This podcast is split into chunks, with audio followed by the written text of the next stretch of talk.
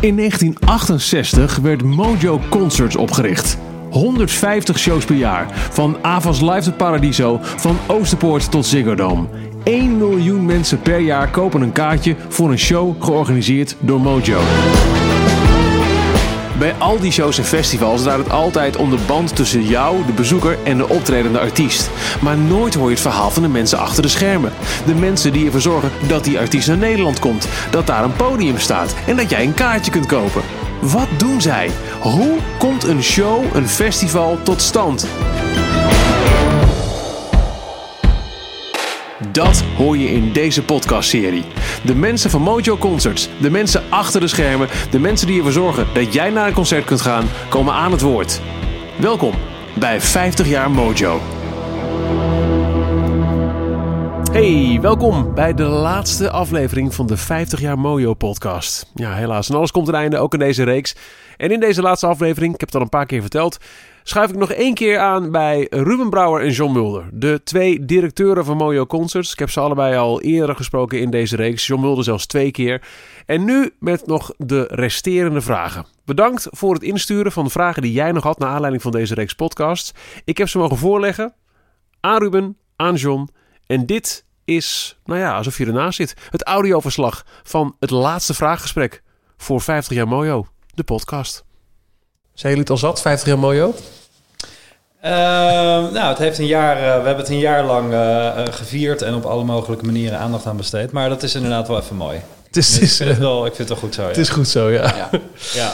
Maar het was een mooi jaar, 50 Ja, jaar mooi. super. Ja. Toch? We Ja. hebben een fantastisch jaar gehad. En we zijn eh, met, het hele, met het hele personeel, met iedereen naar New York geweest om het te vieren. Ik had er graag een podcast van willen maken, maar ik hoorde het net te laat. Ja. Ja. maar eh, nee, het was fantastisch. En het museum was toch al met al ook geweldig en het boek. Dus eh, heel blij mee. Maar goed, dit is wel de laatste in de reeks podcast. Eh, ik spreek eh, jou voor de tweede keer, Ruben. Ja. John al de derde keer. Ja. Eh, na ook het verhaal van André Hazes. Wat, we hadden nog duizend verhalen kunnen aanraken, volgens mij. Maar goed, dat is ook een beetje het idee van deze podcast.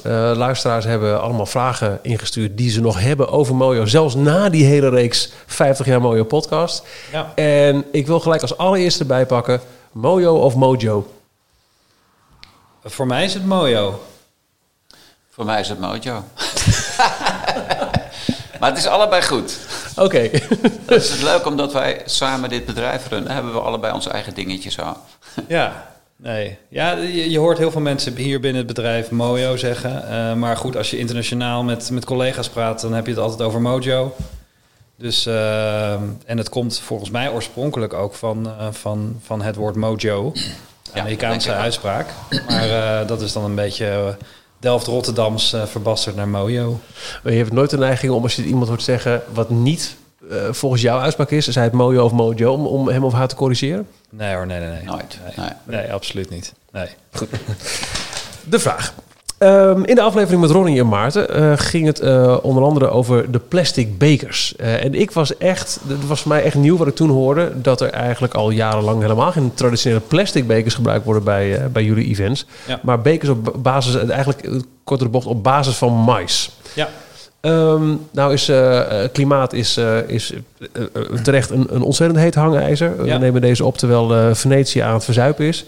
Ehm, wat doet Mojo, of Mojo, verder om evenementen groener en duurzamer te maken? Ja, eh, nou, we doen heel veel. Eh, inderdaad, eh, plastics en, en, en bekertjes en zo is, is één van de onderde- onderdelen. Dat is ook een van de dingen die denk ik het publiek het meest ziet. Hè, dus als jij uit een Alfa wegloopt en je ziet op de vloer allemaal plastic liggen, dan denk je, ga- hè want wat is het voor, voor troep? Ehm, maar we doen achter de schermen heel veel. We doen eh, op het gebied van transport. Eh, we bouwen sommige, bijvoorbeeld het hek rondom het Lowlands terrein is een permanent hek. Dat hoeven we niet ieder jaar daar neer te zetten. Hebben we op een gegeven moment ook voor gekozen om dat er permanent neer te zetten, zodat je heel veel transport kunt eh, beperken. We hebben heel veel podia en, en, en dat soort onderdelen laten we op locatie liggen. Ehm, we hebben het op het gebied van water doen we heel veel. We hebben vacuümtoiletten. We spoelen niet met, eh, met drinkwater, maar met oppervlaktewater.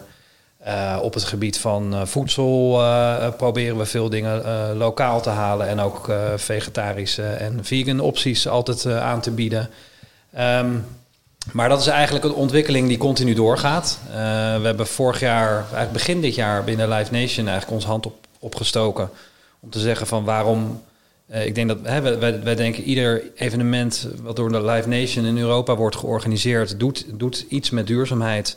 Maar we hebben daar nooit internationaal echt goed over gesproken. Dus eigenlijk op ons initiatief is er nu binnen Live Nation een, heel, uh, een hele werkgroep opgericht. Die heet dan uh, Green Nation. Uh, waarin we samenwerken met, met mensen uit, uit, uit Scandinavië, België, Duitsland. om van elkaar te leren. En we zijn nu bezig met. We hebben de Green Deal ondertekend op ADE met staatssecretaris van Veldhoven. En daarin stellen we eigenlijk onszelf het doel om in 2025 uh, eh, met onze festivals circulair te worden. En dat ziet eigenlijk op heel veel verschillende onderdelen. Dus het gaat inderdaad over transport, over voedsel, over water, over energieverbruik. Um, ja, om daar blijvend stappen in te maken eigenlijk. En als een festival circulair is, dan, dan houdt het in dat het in feite ja, dat je eigenlijk dat je je grondstoffen uh, uh, zoveel mogelijk uh, hergebruikt eigenlijk. Alles wat, je alles wat je daar gebruikt, dat je dat aan het eind van de rit niet weggooit, maar dat het, dat het in een cirkel gaat, zodat je van, van wat je gebruikt weer iets nieuws kunt maken. Of daar iets nieuws in mee In feite niks blijven liggen, nou, even heel erg. Ja. Oké. Ja, en daar is en, en dan is, is ook wel weer de, de, de, de, de notie die wij dan intern ook hebben, is van uh, er blijft, mag niks blijven liggen. En als je kijkt waar we nou echt grote slagen kunnen maken, dan is het ook een beetje in het, uh, ja, een beetje het opvoeden van ons eigen publiek. Uh, want als je kijkt waar het grootste afval vandaan komt, bijvoorbeeld de Lowlands, dan is dat van de camping. Dus dat mensen spullen achterlaten. of dat nou tenten zijn of partytenten of barbecues of uh, dus daar, gaat ook, daar gaan we de komende jaren ook nog meer aandacht aan besteden. Om, om mensen, ja, bezoekers een beetje wijs te maken van joh, neem nou ook je spullen mee. Uh, als je weer weggaat. Het ging in de podcast heel vaak over um, promoted shows. Wat, wanneer is iets een promoted show? En wat is het verschil met een, met een, een ander concert? Wanneer is iets geen promoted show? Nou, een promoted show is meestal, uh, dat is in basis een show die, uh, die ons wordt aangeboden door een agent. Of uh, door een manager rechtstreeks, meestal door een agent. Dat is een show die wij echt promoten. In die zin dat wij een garantie bieden. Dus wij kopen de show in, om het maar even heel zeg maar, juridisch te zien. En we bieden een bepaalde garantie. En wij moeten die show promoten. Het woord zegt het al, in letterlijke zin wij moeten zoveel kaartjes zien te verkopen dat wij in ieder geval de garantie eruit halen en alle lokale kosten die we hebben. Hè. Zaaluur, security, uh, riggers, crew, podium, stroom. Uh, al die componenten bij elkaar opgeteld uh, is een bepaald bedrag. En dat promoten wat wij doen is om te kijken dat we in ieder geval break-even draaien. En uiteraard natuurlijk kijken dat de zaal vol komt. Hè? Want de enige goede show is een uitverkochte show. In die end natuurlijk qua gevoel. Merk je dat als bezoeker iets van, uh, wanneer iets een promoted show is? Nou, dat denk ik niet. Maar ik denk dat eigenlijk vrijwel alles wat wij doen is een promoted show. Want ook al zouden wij tegen een act zeggen van... weet je, we gaan samen het risico doen. Dat risico zit heel erg voor ons aan de achterkant. Dan nog willen wij die show dusdanig promoten dat die nog steeds vol zit. Dus het is, uh, per definitie is het promoten... Het woord promoten betekent dat je je best doet dat de zaal vol zit. Om het maar even in ja. simpel Nederlands te zeggen. Ja, ik kan me voorstellen dat het voor elke show geldt. Dus wanneer is een show dan geen promoted show? Je daar een voorbeeld nou, je kan bijvoorbeeld een, eh, een showcase hebben of dat er... Uh, dat het, dat, hè, we hebben ook wel eens shows dat er uh, de helft is door een sponsor opgekocht of het is een hele corporate show. Club, clubboekingen. Sorry? Clubboekingen. Clubboekingen, er zijn wel eens wat VIP-dingen. Dat is allemaal anders. Ja, en clubs inderdaad, dan neemt de club het risico. Maar dan gaat de club de show promoten. Ja, dus als wij een show doen in, uh, in Tivoli uh, in Utrecht. En wij zitten daartussen als een soort van uh, leverancier. Dan moeten hun nog steeds dusdanig promoten dat die zaal vol zit. Festivals is weer wat anders. Maar feitelijk is dat ook promoten. Dan hoop je ook dat het vol komt. Check. Volgende vraag die binnen is gekomen. Hoe beslissen jullie of iemand op een festival mag spelen... of dat deze act een los concert geeft? Ehm, nou, ik denk dat wij dat, uh, dat het een illusie is om te denken dat wij dat beslissen alleen. Uh, dat zouden we denk ik graag doen, maar ik, heel veel is, af, is, is, is afhankelijk van een specifieke wens die gewoon vanuit de artiest komt. Die zegt van, joh, ik heb plannen voor volgend jaar uh, voor festivals in de zomer. Nou ja, dan weet je dat je niet hoeft aan te komen met, met, een, met, een, met een bot op de Ziggo Dome. Uh, of een offer voor de Dome. Uh, en andersom is het ook zo. Het hangt natuurlijk van de periode af waarin ze komen. En, en ik denk dat het altijd een samenspraak is tussen de boeker die hier zit uh, en, en, en de agent of vertegenwoordiging van de artiest om te kijken. is, dat, ja, is, het, is het volgend jaar een goed idee om, om, om, om een festivaltoertje te doen of, of meer een, een, een, ja, een tour langs de zalen? Dus dat, dus dat bepalen wij zeker niet zelf. Uh, dat gaat altijd in samenspraak. En heel vaak komt dat inderdaad al als een, als een voldongen feit vanuit, vanuit, een, vanuit de act zelf. Maar ik kan me voorstellen dat er ook wel eens een legpuzzel... Bijvoorbeeld, het is één grote legpuzzel. Artiest X doet dan en dan Europa. Ja. Dan heb je, je hebt zoveel festivals uh, die je kunt aanbieden. Waarbij ook nog een keer eisen komen over hoe hoog staat zo'n artiest op de bil. Vanuit de agency dan vaak. Ja. Ik, heb, ik heb bijgeleerd, hè. Ja, um, komt het dan toch nog wel eens voor dat ook al zegt een artiest... ik doe een festivaltour, dat hij dan toch... want het komt allemaal niet uit uiteindelijk in de AVAS of, of de Ziggo eindigt? Ja, dat, het, het, het komt toch nog wel eens voor. Um, um, ja, dat gebeurt wel eens. Maar dat is wel echt... Uh, vaak he, heeft zo'n artiest echt wel in zijn hoofd van... joh, komende zomer ga ik gewoon dit doen. En dan moet het echt raar lopen. Willen ze, willen ze dagen... Uh, nog in, ja, dat, dat, dat kan trouwens wel, dat ze dagen in de week, gewoon uh, weekdays, uh, tussen twee weekenden in bijvoorbeeld ja. willen vullen. Bijvoorbeeld, ja. wat me nu te binnen schiet, Tool, vorig jaar stond op festival Rock Werchter in België, maar hier in Nederland deden ze Ziggo. Ja. Was het dan een, een stadiontour of een festivaltour die ze deden? En welk land moest dan toch met iets anders komen? Ja, ik, ik, ken niet de specifieke ins en outs van die tour, hoewel ik wel groot uh, Tool-fan ben. Uh, en die show in de Ziggo Dome trouwens echt in mijn top 10 alle tijden staat. Maar um, ja, dat kan ook te maken hebben met het feit dat er in, in bijvoorbeeld in België geen beschikbaarheid is op dat moment in het Sportpaleis. in een vergelijkbare zaal dan met de Ziggo Dome. Of dat ze er op andere manieren niet uitkomen. Of dat het specifieke festival gezegd heeft van joh ja, je kunt wel Sportpaleis doen, maar als jij nu bij mijn festi op mijn festival komt staan, dan krijg je gewoon het dubbele. Ja, ja. Artiest bepaalt in feite aan de voorkant. Ja. Of ja. heeft het idee van dit wordt het, tenten of stadions. Ja. En allemaal gelang de gelegenheid daarvoor is, is dat het ook. En anders wijken we uit. Ja. Nou, duidelijk. Um, ja, ik zei net al, uh, agency. Uh, er is ook een vraag over binnengekomen. Een agent. Uh, in een aantal afleveringen is gemaild, hoor ik over een agent. Maar wat me nog niet helemaal duidelijk is geworden... Wat is een agent en wat doet die?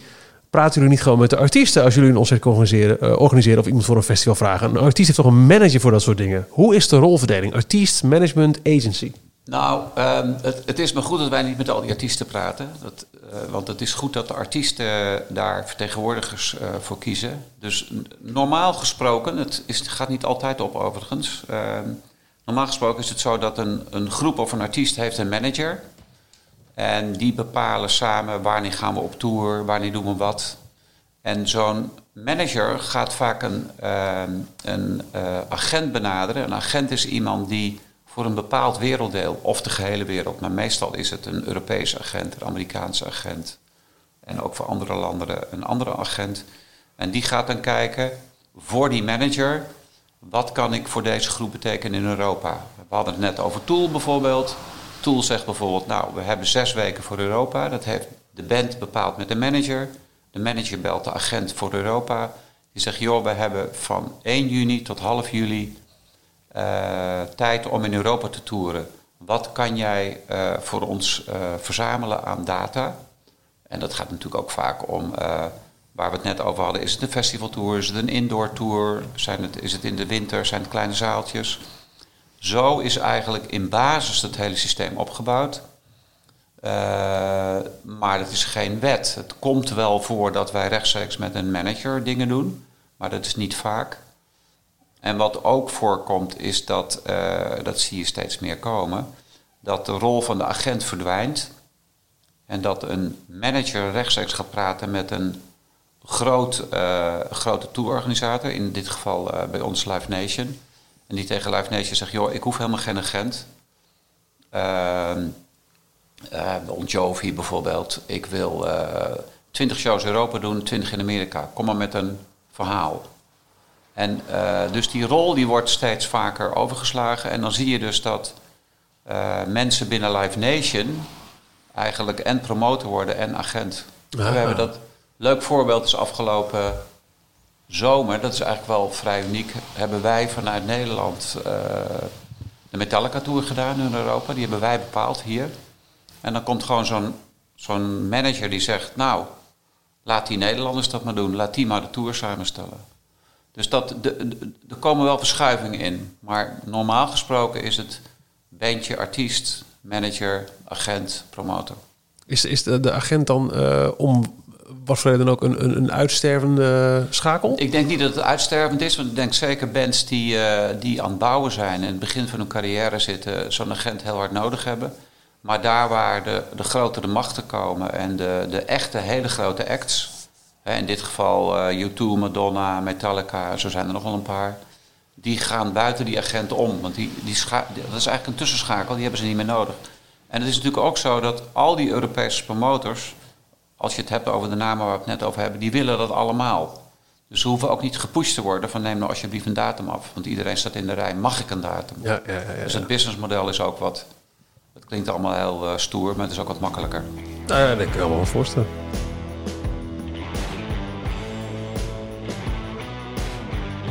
Een vraag die binnenkwam. Wat ik miste in de aflevering over tickets is hoe het kan dat er vaak al kaarten te koop zijn op internet voor een concert. Terwijl jullie in de, de, de mooie communicatie zeggen dat de kaartverkoop pas later start. Hoe komen die mensen dan aan hun kaarten? Ja, goede vraag. Uh, nou, ik, ik, ben, ben blij dat je hem stelt, laat ik het zo zeggen. Want het is een, mis, een heel hardnekkig misverstand. Uh, heel vaak worden er kaar kaarten aangeboden uh, online, uh, voorafgaand aan de, de, de voorverkoop. die kaarten bestaan gewoon niet. Dus er wordt geadverteerd met kaarten die er nog niet zijn. dus dus als, als er een site is die, die, die kaartjes aanbiedt voor een show van U2, die, die pas over een week on sale gaat, ja, die, die persoon of diegene die die kaartjes aanbiedt, die heeft ze op dat moment echt nog niet. Waar die persoon of dat bedrijf op gokt, is dat hij vervolgens als de voorverkoop er is, aan die kaarten kan komen, zodat degene die bij hem het kaartje al hebben gekocht, uh, dat hij die uiteindelijk kan leveren. Daar zijn wel eens rechtszaken over gevoerd, omdat wij zeiden van ja, dat is, dat is eigenlijk een beetje oplichten. Maar wat, wat, uh, wat de rechter uh, daarvan, Stefans heeft gezegd, is ja, op het moment dat diegene uiteindelijk die U2-kaarten wel kan leveren, ja, dan is er niks aan de hand. Want dan ben je eigenlijk je verplichting nagekomen. Dus, uh, uh, het, ja, dus dat is een beetje een trucje. Er wordt, uh, er wordt heel veel geadverteerd met nog niet bestaande kaarten.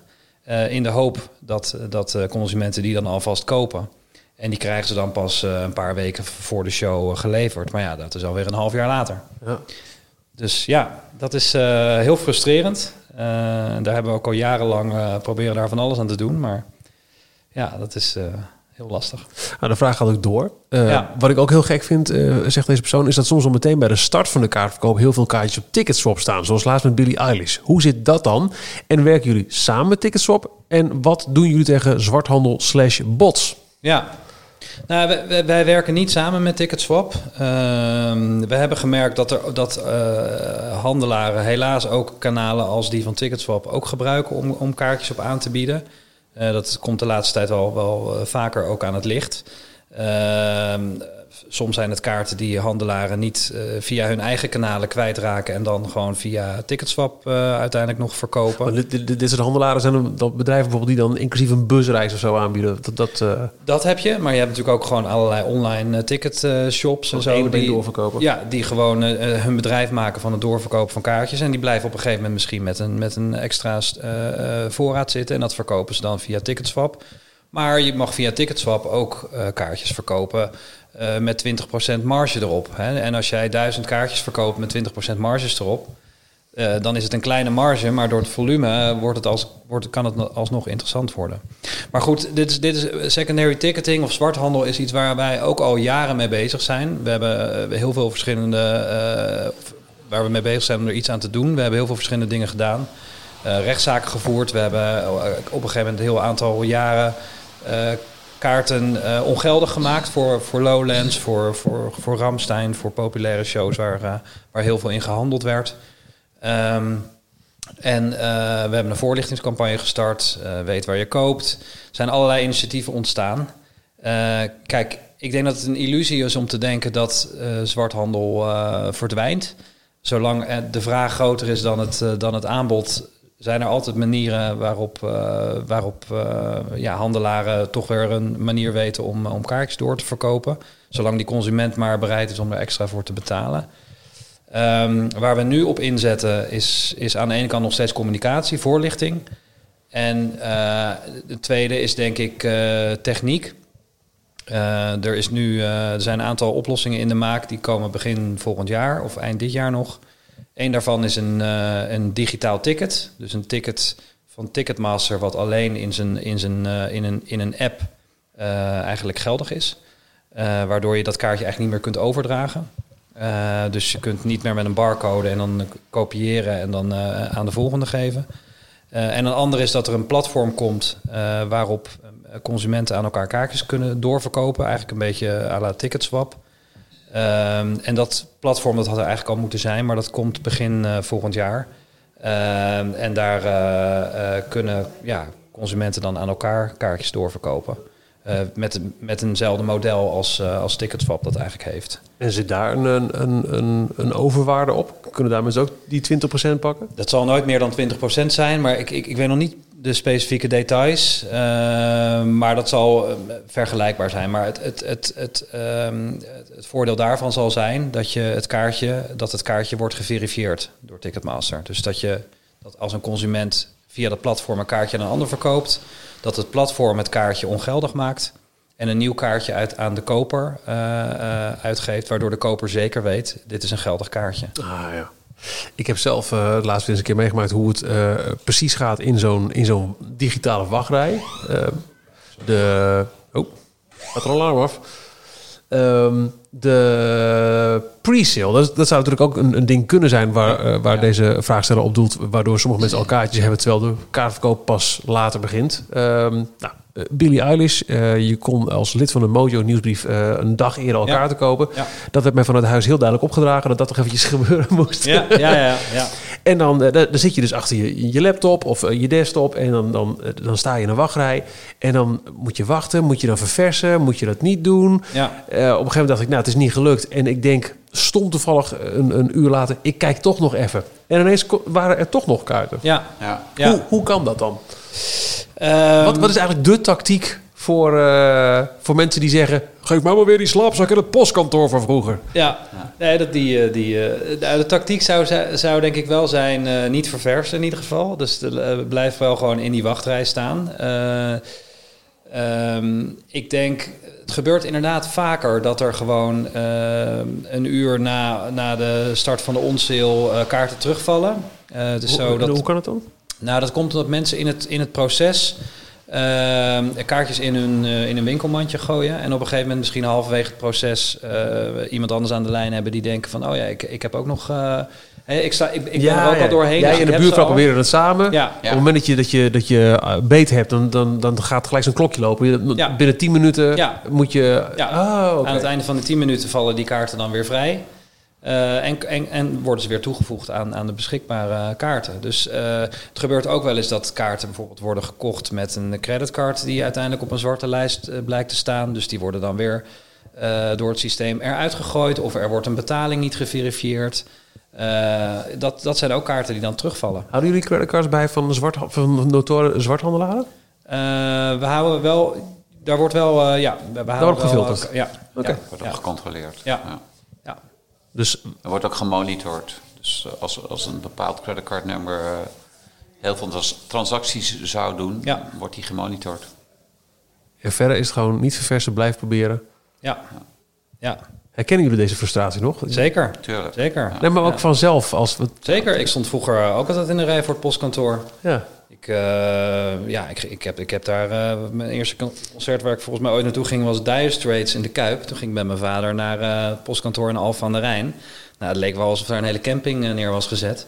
En daar, daar zaten we 's ochtends om, eh, om half zes of zo, eh, stonden daar te wachten. En dan had- hadden mensen daar hun eigen loodjesysteem gemaakt. Dus dat, dat iedereen die daar aankwam, dat, dat niet mensen nog konden voordringen eh, voor, voor elkaar. En eh, ja, dat had ook wel charme. En, eh, maar ik heb ook wel eens bij For You Too eh, in de rij gestaan. En, en dan viste ik ook achter het net. Dus het is wel, je hoort heel vaak eh, over het ja, hadden we maar een slaapzak. Eh, hè, hadden we maar, maar een slaapzak om voor het postkantoor te liggen. Dat Klopt. is ook geen garantie. Maar inderdaad, klopt, klopt inderdaad. Het is heel een romantisch beeld, maar in die end gebeurde het ook dan dat je er gewoon. Want daar was het toch zo... Ik kan me inderdaad een, een YouTube... Waar was het? Arena 2005 of zo? 2009 denk ik. Nou, ik denk nog wel eerder. Want het was echt nog met, met, met, met, met, eh, nou, geen slaapzak, maar wel vroeg op. Ja. Ja. Het was toch echt zo dat dan ook de, de postkantoorbedienden... die moesten ook maar op een server in, Ja. inbellen. En voor hetzelfde geld had hij dan het blauwe scherm... waar jij nu Ja. thuis tegenaan kijkt. Ja, Ja. klopt. Maar dan was je wel vroeg opgestaan. Ja, Ja. Oké, Ja. nee, Ja, dat, eh, ja. dat was hem. Ja. ja. Heel vroeger werd het natuurlijk zo gedaan.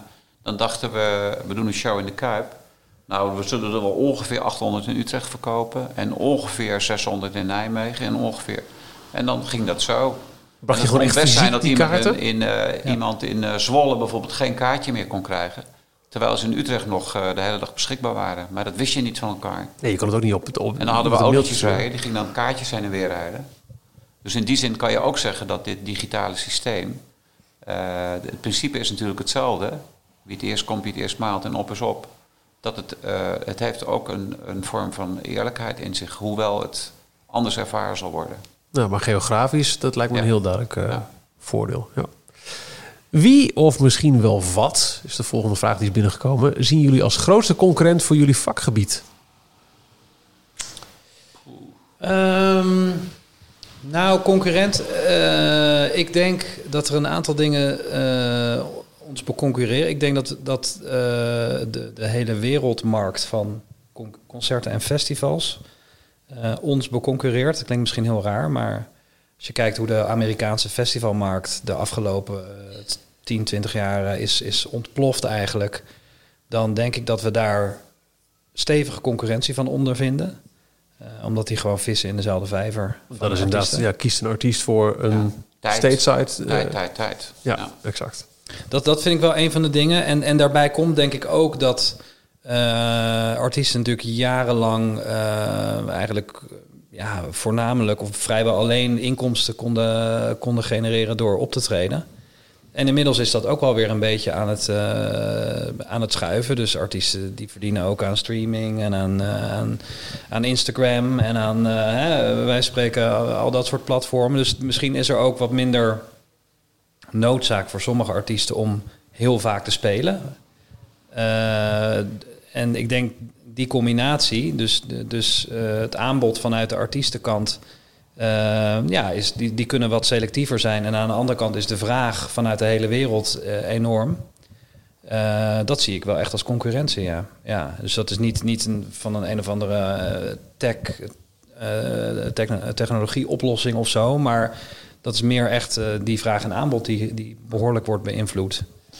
Ja, en, en, ik denk dat ook, hoe raar het ook klinkt, dat de, eh, de business zichzelf concurreert. Hè? Dat, dat, is, dat, is, eh, dat is misschien een beetje, klinkt een beetje klagerig, maar de gages van de artiesten bij de festivals, die, die gaan echt schrikbarend omhoog en met gigantische sprongen. En dat komt natuurlijk, wat Ruben ook zegt, er zijn op andere plekken in de wereld meer festivals. Als je het op Europa loslaat, heb je natuurlijk het hele Oostblok, wat nu ook eh, erg in opkomst is gekomen en, en het fantastisch doet. Ehm, dus in principe ehm, kan je als een beentje of als een artiest jouw gage heel erg eh, opschroeven. Maar in, in de grote linie is het ook een soort van concurrentie. En zolang de artiest natuurlijk aan de goede kant zit. Kijk, als een artiest zegt: Ik kan 20 shows doen in Europa, punt. Dan gaan ze natuurlijk kijken waar kan ik het meeste geld verdienen. Maar dat is ook een vorm van concurrentie, ook voor ons.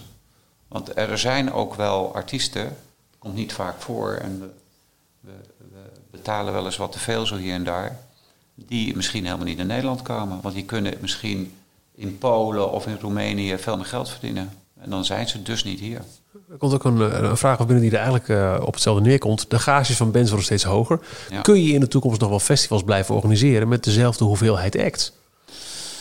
Ja, ik denk dat wij... Festival zit ons in het bloed. Dus wij zullen er altijd tot, tot over bloed gesproken, tot bloedens toe uh, voor strijden. dan maar zelf een gitaar ja, pakken? dan maar zelf gitaar. Uh, Ruben, dus, uh, die kan misschien wel instrument besteden. Ik niet. maar nee, ik denk, kijk, het is natuurlijk ook daar geldt weer vraag en aanbod. Ehm, de, het is ook zo dat Lowlands, North Sea Jazz Festival, Pinkpop, Down the Rabbit Hole... dat zijn ook wel festivals waar je als act wel een keer wil staan of gestaan moet hebben... En als je een opkomend talent bent, is het enorm belangrijk om op zo'n festival te staan, want dat verbreedt je, verbreedt je bekendheid. En uh, die gaatjes worden steeds groter en hoger. Maar er zit wel een spanningsveld in. Uh, wat wil de consument nog betalen voor een festival? Wat kunnen wij om een kaartje, wat kunnen wij vragen voor een kaartje? Versus uh, wat is het aanbod daarvoor? Maar op zichzelf denk ik niet dat uh, festivals zullen verdwijnen. Die zullen altijd blijven. Is investeren in lokaal talent een, een oplossing? Uh, ja, maar dat doen we natuurlijk ook al wel. Misschien wel een beetje onzichtbaar, maar wij doen heel veel Nederlandse acts al op dit moment. En daar bouwen we ook bewust aan. En, uh, maar er is natuurlijk wel een gigantisch aanbod in Nederland aan festivals... waar ook al het zeg maar, domestic talent al staat. Dus uh, de, de, de grotere festivals zullen, zullen altijd uh, als nadruk hebben internationale artiesten. Ja. Ja, en ik denk, denk kijk, als festival probeer je ieder jaar gewoon de beste line-up neer te zetten die, die er mogelijk is. je, de, we hebben gewoon budgetten waar we mee werken. Maar de realiteit van de afgelopen jaren is dat je eigenlijk ieder, ieder jaar, ja, je budget is, is een soort van ambitie inmiddels. Ja. In plaats van, uh, want, want als, je, als, je daar, als je dat helemaal leidend laat zijn, dan, dan kan je echt wel de, de, de, de, de slag verliezen. Dus wat je dan gaat proberen is of je iets aan je capaciteit kunt doen. of, of, of inderdaad aan de ticketprijs. Maar goed, daar zit ook een bepaalde rek in. En als je bijvoorbeeld nu naar Woeha kijkt, waar je een heel jong publiek hebt. aan de ene kant, ik geloof dat het nou, rond 19 of 20 jaar gemiddeld is. met, met een bijbehorend budget, wat niet enorm is. Uh, en je zet dat af tegen de gages in de hoek van de hip-hop, die, die gewoon vier, vijf keer over de kop gaan ja, in een aantal jaar. Zeven cijfers. Ja, dan, daar moet ergens een beetje een, uh, een normalisatie op een gegeven moment in komen. Anders dan uh, is dat gewoon niet vol te houden. Dus, uh, maar goed, dat zeggen we ieder jaar. En ieder jaar ehm, ja, moeten we toch weer mee in de, in de vaart der volkeren, zeg maar. Eh, ja. Maar ja, en ook daar is het weer vraag en aanbod. En, en, en als je het hebt over aanbod, is natuurlijk in, in zeg maar de, de, de zogenaamde headliners, daar is waar, waar de meeste spanning zit natuurlijk qua gages. Ja. Uh, maar daar, daar, daaronder, niet, ik bedoel, daaronder klinkt meestal uh, als het minder is, is juist niet minder. Juist het leuke opkomende talent, daar is een gigantisch aanbod. Dus daar is ook weer een vorm van vraag en aanbod.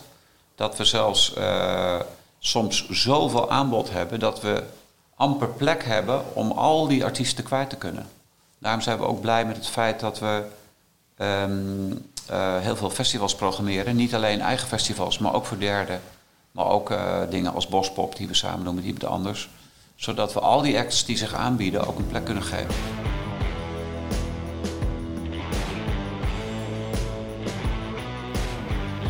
In de aflevering met uh, Frederik ging het over niet-muziekevenementen die Mojo organiseert. Uh, de vraag die daaruit voorkomt van een van de luisteraars van de podcast is: welk evenement zouden jullie altijd nog een keer willen organiseren? Misschien een groot dancefestival zoals Sensation of Thunderdome of iets totaal anders. Waarvan denk je, nou, dat zou ik nog eens een keer neer willen zetten in Nederland? Um, ja, ik ben toch een beetje. Uh, ik denk muziek en niet muziek. Ik, uh, muziek. ik, ik zou wel graag nog een, een, meerdaags evenement willen neerzetten op een unieke locatie. Nou, we hadden bedacht dat dat op uh, Terschelling zou zijn. Dat is dit jaar helaas uh, uh, niet gelukt. en dat is, dat is heel ja, wrang. Maar goed, die droom hebben we nog niet opgegeven. Dus ik sluit niet uit dat dat niet volgend jaar, maar het jaar daarna wel, wel doorgaat. Dat is wel iets waarvan ik altijd denk van nou, op, op een echt een waanzinnige locatie waar gewoon je je hele muzikale programmering en, en de, de natuur en de omgeving zo in elkaar over uh, vloeit, dat dat, uh, dat dat gewoon echt een magisch ding uh, wordt. op op op niet-muziek eh, zijn er wel ja, hele interessante ontwikkelingen, bijvoorbeeld in de wereld van eh, e-sports, eh, gaming. Eh, waarvan ik denk van nou, daar zouden we echt wel in de toekomst eh, goede dingen in kunnen doen. Als je ziet hoe dat nu, hoe die, hoe die wereld ook in de, gewoon de live evenementen rondom gaming eh, zich, eh, zich nu eh, ontwikkelt. Hoe die wereld zich ontwikkelt, ja, dat is, dat is ongelooflijk. Vorige week, twee weken geleden, was de finale van League of Legends, zo'n game. Nou, daar keken eh, 110 miljoen mensen naar online. Dat is evenveel als naar de Super Bowl finale. Dat is onvoorstelbaar. En dat was een uitverkochte, eh, volgens mij was het in Bercy in Ja. eh, Parijs. Nou, en als je die visuals en die show zag, ja, het is next level gewoon. Eh, Ja. Dus dat zijn dingen waar, waar, waarbij je een heel aantal, eh, ja, een beetje eh, video en, en, en eh, augmented reality, allerlei dingen samenkomen. Waarvan ik denk van ja, dat is, dat is wel... Maar welke vorm dat dan zou moeten krijgen, dat eh, vind ik nog even moeilijk om te zeggen. Maar Maar we, we, we doen ook al heel veel niet-muziek. Ja. Hè? We doen uh, Cirque Soleil in Nederland. We staan nu bijvoorbeeld met Totem op Malieveld. Ik denk dat we 120, 140.000 mensen gaan uh, halen daar. Dat zijn natuurlijk gigantische aantallen die niet zo in beeld zijn alsof dat wij dat doen, maar die wel buiten de muziek staan, maar die we wel doen. We hebben net dit jaar voor het eerst in uh, Rotterdam iets gedaan dat heet de Grote Schijn. Dat is een bos wat helemaal is uitgelicht wat heel, uh, uh, ja, heel feeriek is. Uh, er zijn 30.000 mensen gekomen. Maar in Amsterdam is ook een bos en in Groningen ook en in Zwolle ook. Dus dat is, dat is in één keer iets wat heel erg lokaal is. met een hele lage ticketprijs, waar ongelooflijk veel mensen op afkomen. Dus dat, er zijn ook in die, zeg maar, die family entertainment hoek. Uh, daar is een enorme honger naar, uh, naar live evenementen. Niet uh, non-music driven events. Ja, en ik denk, als ik naar Ruben kijk, onze ultieme droom zou wel zijn, denk ik, een, een gaming evenement in Amsterdam Arena volledig uitverkocht. In ja. de round. Ja. Met ja, ja. 65.000 mensen. Als je het over een droom zou hebben, dan is dat het. Ja. En dan het ook nog zelf mogen produceren. En als het, het liefste met heel veel budget. Waarom, is uh, een volgende vraag, heten jullie eigenlijk nog steeds Mojo of Mojo? Terwijl er internationaal gesproken wordt over Live Nation. Uh, hoe kan het dat jullie, want eh, mocht het in de, de reeks niet duidelijk zijn geworden, Live Nation heeft Mojo uh, een poos geleden gekocht. Die is een ja. onderdeel van het grote internationale Live Nation. Maar jullie heten niet Live Nation NL of het is nog steeds Mojo Concerts. En hoe kan dat, dat die naam nog steeds bestaat en dat jullie zo je eigen gang mogen gaan? Uh, ja. Of maken jullie slapende honden wakker? Nee, nou ja, nee hoor. Uh, nee, want kijk, het, bedoel, ooit toen, toen Mojo is verkocht in 1999 volgens mij. Precies 20 jaar geleden. Precies 20 jaar geleden, ja. Uh, toen is het een van, de, nou ja, een van de voorwaarden geweest. Of toen is ja. in ieder geval gezegd van wij blijven gewoon zo heten. Want wij hebben in Nederland gewoon een hele grote naamsbekendheid. Uh, andere promotors, wat nu onze broers en zussen in Europa zijn, die hebben dat toen niet gedaan. Uh, en misschien waren die binnen hun eigen markt ook wat minder bekend. Of, uh, um, maar wij hebben dat altijd vol kunnen houden. En we hebben ook altijd, denk ik, laten zien aan, aan, uh, aan Live Nation dat wij gewoon leveren wat we hebben, hebben beloofd. En zolang we dat blijven doen, denk ik dat er niet zo heel veel meer druk daarop komt. ze vinden het af en toe, denk ik, wel vervelend. Uh, maar tot nu toe hebben we gewoon, de, omdat we deliveren, gewoon uh, die positie kunnen, kunnen behouden. En ik merk dat je inmiddels in de wereld zijn er ook wel andere bedrijven die in de Live Nation familie zitten. Uh, die ook gewoon hun eigen naam hebben gehouden. Dus je hebt C3 Presents. Ja, um, Insomniac. Ja, die, ja, Insomniac. Dat zijn allemaal grote Amerikaanse organisatoren. Um, ja, die heten, die heten ook nog steeds, hebben, hebben, nog ja. steeds hun eigen naam. Maar toen de tijd waren wij wel de enigste. We zijn ja. wel heel lang de enigste geweest. Ja. En ik denk dat het misschien ook wat te maken heeft met cultuur. Ik denk dat, als ik nog weet, hè, toen we toen de tijd verkochten, hebben we dat ook tegen die Amerikanen gezegd. Laat ons nou alleen. Dit, dit gaat niet alleen over de naam, dit gaat ook over de manier waarop de bedrijfsvoering is georganiseerd. Laat ons nou alleen, laat ons ons ding doen. Bemoei je er niet te veel mee. Want wij zijn weliswaar hele aardige, leuke Nederlanders, maar we kunnen ook ontzettend eigenwijs zijn en heel vervelend doen. En dat is niet goed voor je investering. Jullie hebben ons gekocht, Dus ga je nou niet te veel bemoeien. En nou, tot op zekere hoogte is dat tot op de dag van vandaag nog wel uh, in redelijke banen te leiden. Uh, Kees Muurling heeft in deze podcast verteld over hoe uh, steeds meer gebieden in Nederland worden dichtgebouwd. Waardoor het soms lastiger wordt om dingen te organiseren. Ook zeker als je kijkt naar de logistiek, parkeren, vervoer. Je kunt maar zoveel mensen tegelijkertijd naar bijvoorbeeld de, de, driehoek met de arena en de AFAS begeleiden. Um, wat denken jullie? Is Nederland vol qua grote poplocaties? Nou, ik, kijk, er zijn zoveel evenementen in Nederland. Er zijn zoveel festivals. Uh, zalen is wat anders. Zalen of stadions hebben een doorlopende evenementenvergunning. Die kunnen 300 shows per jaar doen of niet één, dat maakt niet uit. Die hebben die vergunningen. Maar daar waar het uh, uh, maatwerk is, namelijk een show in een natuurgebied of een show in Nijmegen of een show op het Malieveld, hè, om maar even wat grotere dingen te noemen, dan moet dat wel ehm, iedere keer goed opgezet worden, goed geregeld worden. Dat geldt ook voor de langlopende festivals. Dat geldt voor Pinkpop, voor Noordzee. Dat geldt voor Down the Rabbit Hole. Dat geldt zeker ook voor Lowlands. Ehm, om nu op dit moment te zeggen... we gaan een Lowlands-achtig festival doen. Drie, vier dagen met 60.000 mensen. Iedereen moet maar kunnen blijven kamperen. En de aanrijroutes moeten goed geregeld zijn. Dat uh, is een gigantische uitdaging op dit moment. Dus wij zijn heel blij met uh, de locaties die we hebben. Dat gaat ook heel goed. We hebben, ik durf dat wel te zeggen, denk ik, uh, enorme sterke band en goede band met alle overheden hè, in, in alle locaties. Maar het is niet zo dat er nog een aantal locaties bij zouden kunnen komen of onontgonnen zijn. Want in die zin zit Nederland wel redelijk vol. Ik ben wel, tenminste, dat vul ik zelf een beetje in, dat, dat jullie wel op zoek zijn creatief naar plekken die we al waren, misschien een beetje ja. underutilized. Uh, Stadspark Groningen, vorig jaar festival. Uh, dit jaar is op dat terrein ook de Hella Mega Tour met Green ja. Day, Weezer en Fallout Boy. Dat is geen toeval, denk ik. Dat, zijn jullie daar aan het kijken of daar leven, meer leven in zit dan de afgelopen nou, jaren is geweest? Het is wel grappig dat je dat aanhaalt, omdat we denk ik al een paar jaar hebben gezegd van waar doen we niks in Groningen. Uh, dat, dat, als je het dan weer hebt over locaties, dat was best wel lastig. Want dan kan je wel het stadspark in in Groningen. Maar... En deze fantastische draf, Dravarenba, die er altijd al ligt, is sinds vorig jaar eindelijk uh, volledig beschikbaar gekomen voor evenementen. Want daarvoor uh, was dat niet zo. We hebben daar twee keer een heel groot concert gedaan met Tina Turner en Rolling Stones. Dat was een exceptionele situatie waardoor dat kon. En er zijn wel eens wat lokale dingen gedaan. Uh, dus die locatie kwam vrij en daar zijn we ook gelijk op ingesprongen. En ja, daar zijn we echt super, super blij mee. Dus op die manier wordt dat wel gekeken? Ja, en op die manier ja. kwam dat dan goed samen en konden we dat aan elkaar uh, doen. En, en natuurlijk, uh, ja, dat klinkt, is niet hotel bedoeld, maar we doen wel best al heel veel.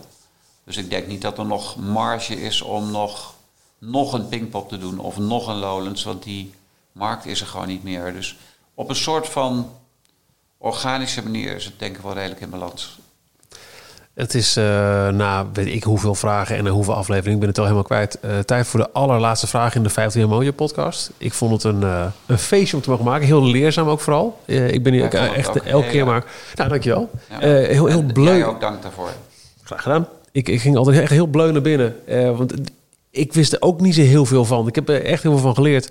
Uh, onder andere, wat ik het meest van heb geleerd, is dat het niet te doen is om aan ook maar iemand binnen dit bedrijf te vragen wat het beste concert aller tijden was. en het te houden tot één.